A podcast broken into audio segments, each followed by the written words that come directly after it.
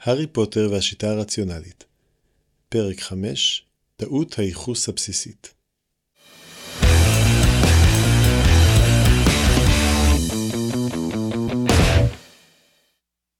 חנות אמוק הייתה חנות קטנה ושובת לב. ישנם אף שהיו אומרים מקסימה.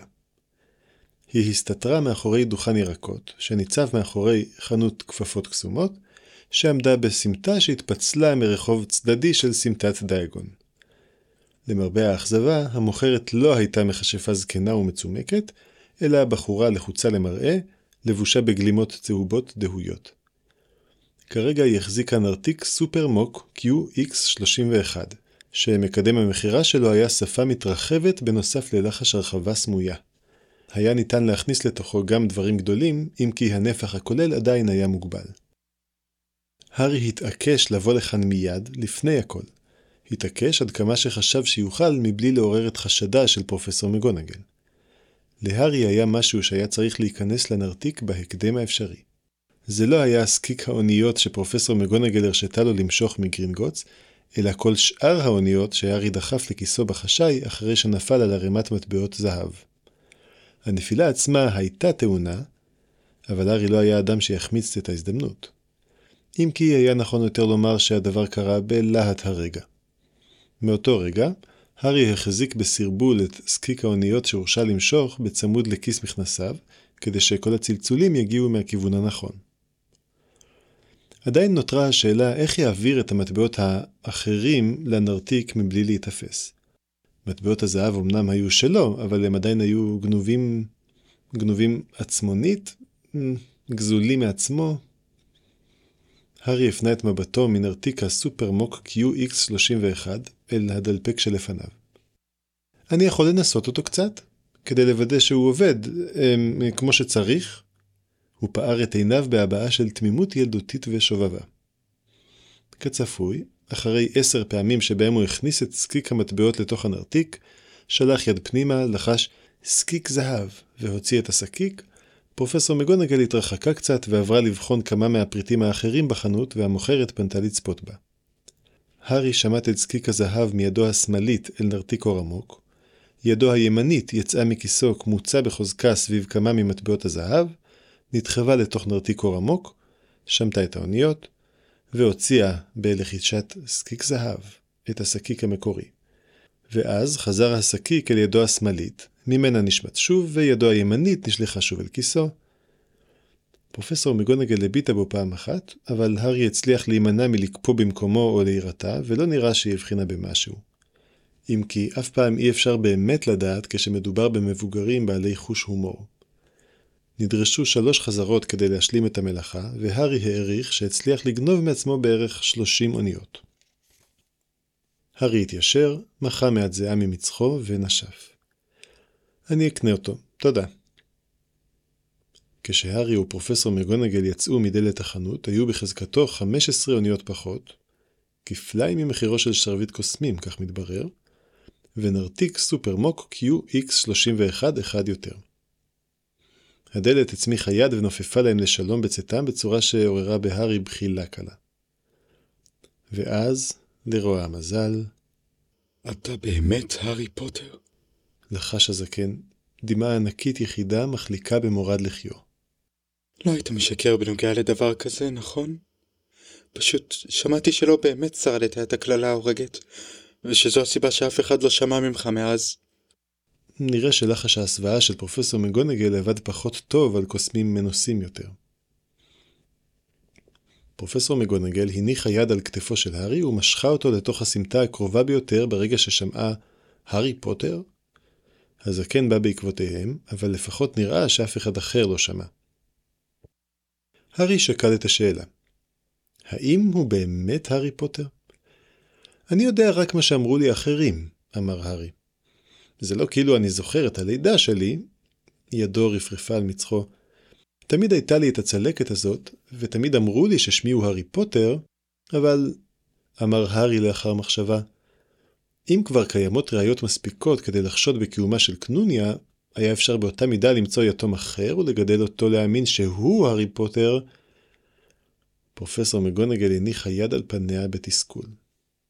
אתה נראה כמעט בדיוק כמו שאביך, ג'יימס, נראה בשנתו הראשונה בהוגוורטס, ואני יכולה להעיד על סמך אישיות בלבד שאתה קרוב משפחתו של הפגע מגריפינדור.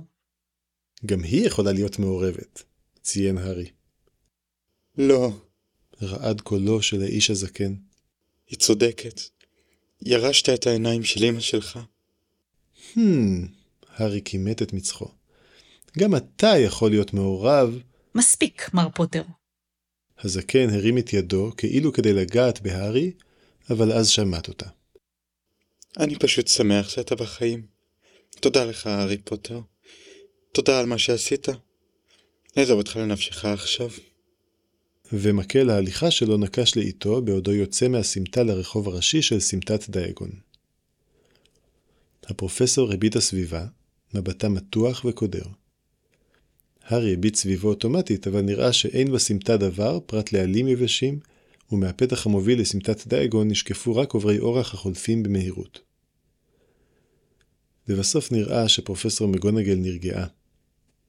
זה לא היה לעניין, מר פוטר. היא אמרה בקול נמוך. אני יודעת שאתה לא רגיל לזה, אבל אנשים באמת אוהבים אותך. תהיה נחמד אליהם בבקשה. הארי השפיל מבט אל נעליו. הם לא צריכים, הוא אמר בשמץ מרירות. לאהוב אותי, זאת אומרת. אתה הצלת אותם מי אתה יודע מי. אמרה פרופסור מגונגל. למה שהם לא יאהבו אותך?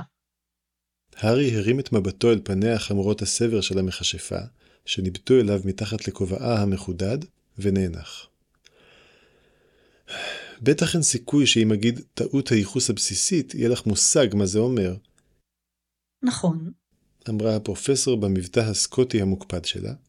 אבל אנא ממך, מר פוטר, האר את עיניי. אז ככה, אמר הארי, כשהוא מנסה בינתיים לחשוב איך לתאר את פיסת המדע המוגלגי הספציפית הזאת. נניח שאת מגיעה לעבודה ורואה את אחד העמיתים שלך בועט בשולחן. את חושבת, איזה אדם עצבני הוא. העמית שלך חושב על זה שבדרך לעבודה מישהו נתקל בו ודחף אותו על קיר ואז צעק עליו. כל אחד היה כועס על דבר כזה, הוא חושב. כשאנחנו מסתכלים על אחרים, אנחנו רואים תכונות אופי שמסבירים את הפעולות שלהם. אבל כשאנחנו מסתכלים על עצמנו, אנחנו רואים נסיבות שמסבירות את הפעולות שלנו. לסיפורים של אנשים יש היגיון פנימי מבחינתם, בתוכם, אבל אנחנו לא רואים את חוויות העבר של אנשים מרחפות באוויר מאחוריהם. אנחנו רואים אותם רק בסיטואציה אחת, ולא רואים איך היו מתנהגים בסיטואציה אחרת. ולכן, טעות הייחוס הבסיסית היא שאנחנו מסבירים באמצעות תכונות קבועות ומתמשכות דברים שאפשר להסביר טוב יותר באמצעות נסיבות והקשר. היו כמה ניסויים אלגנטיים שאוששו את דבריו, אבל הארי לא התכוון להרחיב בנושא. גבותיה של המכשפה התרוממו מתחת לשולי כובעה. נראה לי שאני מבינה, אמרה לאיתה פרופסור מגונגל. אבל איך זה קשור אליך? הארי בעט בקיר הלבנים חזק מספיק כדי שהרגל שלו תכאב. אנשים חושבים שהצלתי אותם מאת יודעת מי, כי אני איזה לוחם חזק של האור. זה שבכוחו להביס את אדון האופל. מלמלה המכשפה, אירוניה מוזרה משוכה בקולה. כן, אמר הארי, תסכול ורוגז נלחמים בתוכו. כאילו השמדתי את אדון האופל כי יש בי איזו תכונה קבועה ומתמשכת של השמדת אדון האופל. הייתי בן חמישה עשר חודשים. אני לא יודע מה קרה, אבל הייתי משער שזה קשור, כמו שאומרים, לתנאים סביבתיים משתנים. בטח לא לאישיות שלי.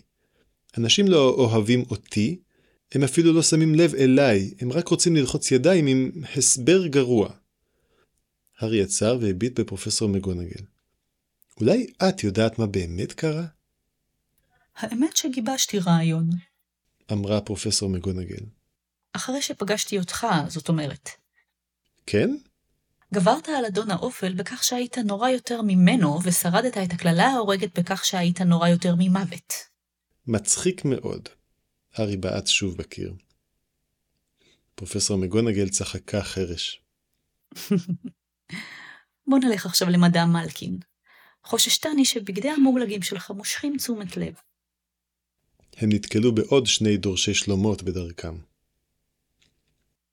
לגלימות מדם מלקין הייתה חזית משעממת למדי, העשויה מלבנים אדומות רגילות, וחלונות ראווה מזכוכית שהציגו גלימות שחורות פשוטות.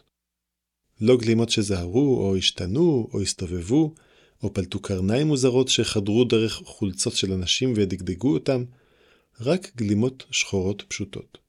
זה כל מה שהיה אפשר לראות מבעד לחלון הראווה.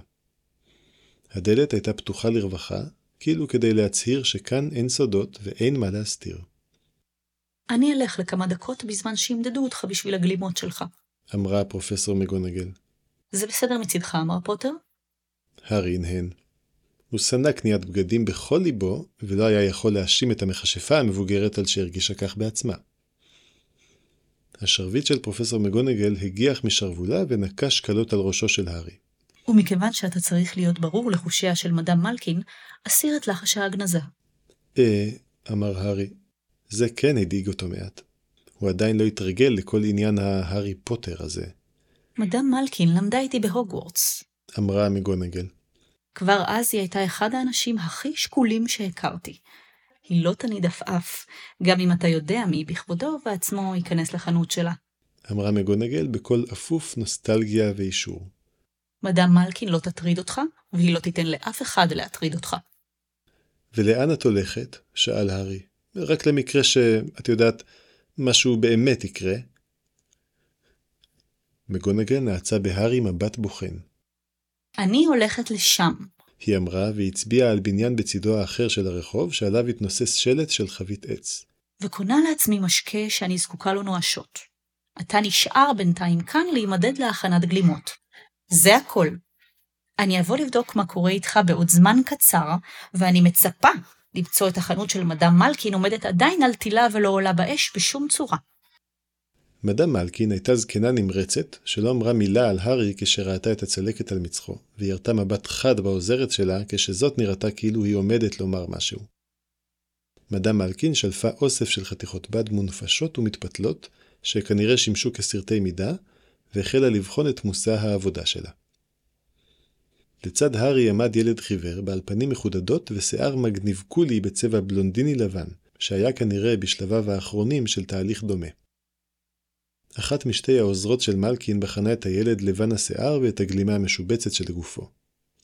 מדי פעם היא נקשה על אחת מפינות הגלימה בשרביטה והגלימה התכווצה או התרחבה. שלום, אמר הילד. גם אתה הולך להוגוורטס. הארי כבר ראה לאן השיחה הזאת עומדת להתגלגל, והחליט בשבריר שנייה של תסכול שהגיעו מים עד נפש. אלוהים אדירים, לחש הארי. לא יכול להיות. הוא הניח לעיניו להיפער. מה שמך, אדוני? דראקו מאלפוי. אמר דראקו מאלפוי, שנראה מבולבל מעט. זה באמת אתה, דראקו מאלפוי, אני, אני מעולם לא חשבתי שאזכה לכבוד הזה, אדוני. הארי הצטער שלא ניחן ביכולת לגרום לדמעות לזלוג מעיניו. האחרים בדרך כלל החלו לבכות בערך בשלב הזה. אמר דראקו, שנשמע מבולבל מעט, ואז נמתחו שפתיו לחיוך זחוח. טוב לפגוש מישהו שיודע את מקומו. אחת העוזרות, זו שזיהתה את הארי, השתנקה קלות. הארי המשיך לקשקש. לעונג הוא לי לפגוש אותך, אמר מלפוי, עונג צרוף. וללמוד בהוגוורטס באותה השנה כמוך, ליבי מפרפר מהתרגשות רק מהמחשבה על כך. אופס, החלק האחרון נשמע קצת מוזר, כאילו הוא מפלרטט עם דראקו או משהו. ואני שמח לראות שאזכה לכבוד הראוי למשפחת מאלפוי. השיב לו דראקו בחיוך שכמותו עשוי להעניק המלך הרם ביותר לפחות שבנתיניו, אם הנתין עני אך ישר. Hmm, לעזאזל, הארי התקשה לחשוב על השורה הבאה שלו. טוב, כולם רצו ללחוץ את ידו של הארי פוטר, אז... כאשר יסיימו להתאים לי את בגדיי, אדוני, האם תואיל בטובך ללחוץ את ידי? אין דבר שיתעלה על כך כשיאו של היום הזה, לא, של החודש הזה, למעשה של כל חיי. הילד בעל השיער הבלונדיני לבן נעץ בו מבט נוקב. ומה אתה עשית עבור בית מאלפוי, שאמור לזכות אותך בחסד שכזה? אוי, אני כל כך מנסה זה על הבא שירצה ללחוץ לי את היד. הארי הרכין את ראשו. לא, לא, אדוני, אני מבין. אני מתנצל שביקשתי. יהיה לי לכבוד לנקות במקום זאת את מגפיך. בהחלט. פסק דרקו. פניו חמורות הסבר אורו במקצת. תאמר לי, לאיזה בית אתה חושב שימיינו אותך? אני אהיה בסלידרין כמובן, כמו אבא שלי לוסיוס, ובאשר אליך, אתה נראה לי כמו האפל פאף, או אולי גם אדון בית. הארי חייך במבוכה. פרופסור מגונגל אומרת שאני האדם הכי רייבנקלו שהיא פגשה או שמעה עליו אי פעם, עד כדי כך שרוונה בעצמה הייתה אומרת לי לצאת יותר, מה שזה לא אומר, ושללא ספק אמצא את עצמי בבית רבנקלו אם המצנפת לא תצרח חזק מכדי שנוכל להבין משהו, סוף ציטוט. וואו, אמר דראקו מאלפוי שנשמע מתרשם קלות. הילד שחרר מעין הנחה עגמומית. החנפנות שלך הייתה מעולה, או לפחות ככה אני חשבתי. תוכל להצליח גם בבית סלידרין. בדרך כלל רק אבא שלי זוכה להתרפסות כזאת. אני מקווה ששאר אנשי סלידרין ילקקו לי, עכשיו כשאני בהוגוורטס. אני מתאר לעצמי שזה סימן טוב. הארי השתעל. אה, אני מצטער, אבל האמת היא שאין לי מושג מי אתה, נו באמת, אמר הילד באכזבה מרה. אז למה עשית את זה? עיניו של דראקו נפערו בחשד פתאומי. ואיך אתה יכול לא להכיר את משפחת מאלפוי? ומה זה הבגדים האלה? ההורים שלך מוגלגים. שניים מההורים שלי מתים, אמר הארי. ליבו נצבט כשהוא אמר את זה ככה. שני ההורים האחרים שלי הם מוגלגים, והם אלו שגידלו אותי, מה? מי אתה? אמר דראקו. הארי פוטר, נעים להכיר. הארי פוטר? דראקו השתנק, הארי פוטר ה... ואז הילד השתתק בפתאומיות. דממה קצרה השתררה, ואז בהתלהבות קורנת, הארי פוטר! הארי פוטר המפורסם? יואו, תמיד רציתי לפגוש אותך. העוזרת שטיפלה בדראקו השמיעה קול השתנקות עצור, אבל המשיכה בעבודתה, והרימה את ידיו של דראקו כדי להסתיר ממנו בזהירות את הגלימה המשובצת. סתום כבר, הציע הארי. אני יכול לקבל חתימה? לא, רגע, אני רוצה להצטלם איתך קודם. סתום כבר, סתום כבר, סתום כבר, סתום כבר. לעונג רב הוא לי לפגוש אותך. תישרף כבר ותמות. אבל אתה הארי פוטר, המציל המהולל של עולם הקוסמים. הגיבור של כולם, הארי פוטר. תמיד רציתי להיות בדיוק כמוך כשאגדל, כדי שאוכל... דראקו הפסיק את דבריו באמצע המשפט, פניו קופאות באימה מוחלטת. מבעד לדלת הפתוחה נכנס לחנות גבר גבוה, לבן שיער, בעל אלגנטיות קרירה וגלימות שחורות מהאיכות המשובחת ביותר. ידו האחת אחזה במקל הליכה בעל ידית כסף, אשר נראה כמו נשק קטלני רק מעצם היותו מוחזק באותה היד. עיניו סקרו את החדר באדישות של מוציא להורג, של אדם שרצח אינו מסב לו כאב או אפילו תענוג אסור, אלא משמש לו פעילות שגרתית כמו נשימה. זה היה האיש שבאותו הרגע צעד מבעד לדלת הפתוחה. דראקו, אמר הגבר, קולו נמוך ומלא זעם. מה בדיוק?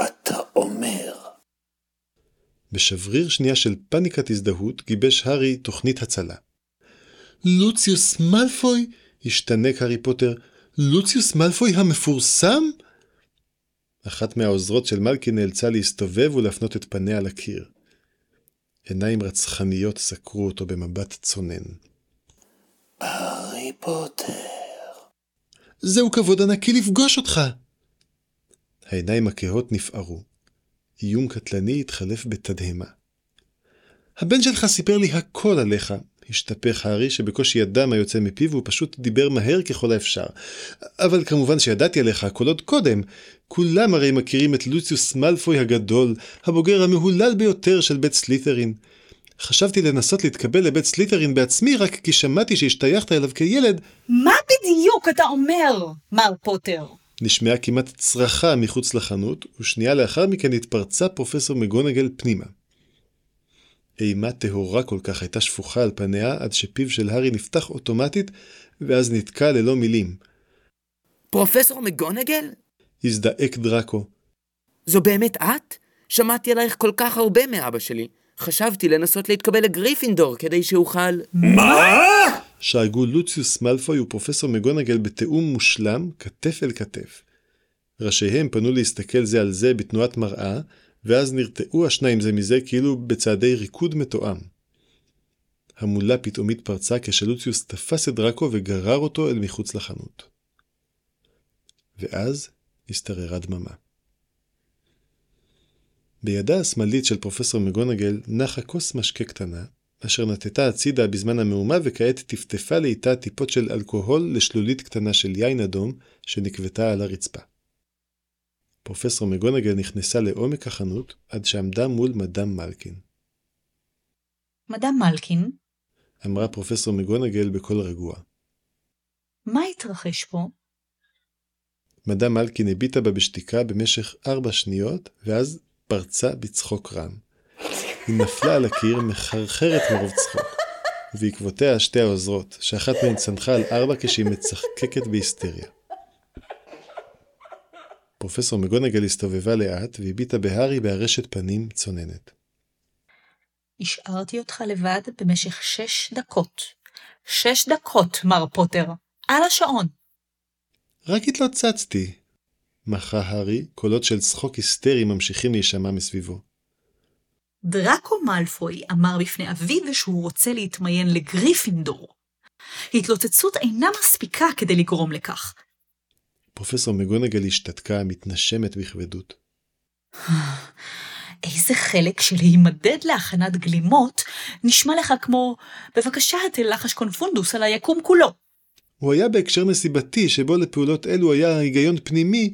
לא, אל תסביר, אני לא רוצה לדעת מה קרה פה. לעולם. יהא הכוח האפל השוכן בקרבך אשר יהא, הוא מדבק, ואיני רוצה למצוא את עצמי במצבם של דראקו מאלפוי המסכן, מדאם מלקין המסכנה ושתי העוזרות המסכנות שלה. הארי נאנח. היה לו ברור שפרופסור מגונגל אינה במצב רוח להקשיב להסברים הגיוניים. הוא העביר את מבטו ממדאם מלקין, שעדיין חרחרה בצמוד לקיר, אל שתי העוזרות שלה, שקראו כעת שתיהן על ארבע, ולבסוף אל גופו שלו, העטוף עדיין בסרטי מדידה. עוד לא סיימו למדוד אותי, אמר הארי בחביבות. למה שלא תלכי לשתות עוד משקה בינתיים? סוף פרק 5 הארי פוטר והשיטה הרציונלית נכתב על ידי אליעזר יודקובסקי, מבוסס על עבודתה של ג'יי קיי רולינג, תורגם לעברית על ידי קהילת רציונליות ישראל, מוגש על ידי דביר שדה. פרופסור מגונגל, מקריאה מתן רוב. דרקו מאלפוי על ידי שלם גולדשטיין. לוציוס מאלפוי, איתמר קסנר. זקן ברחוב, אלי אפרתי.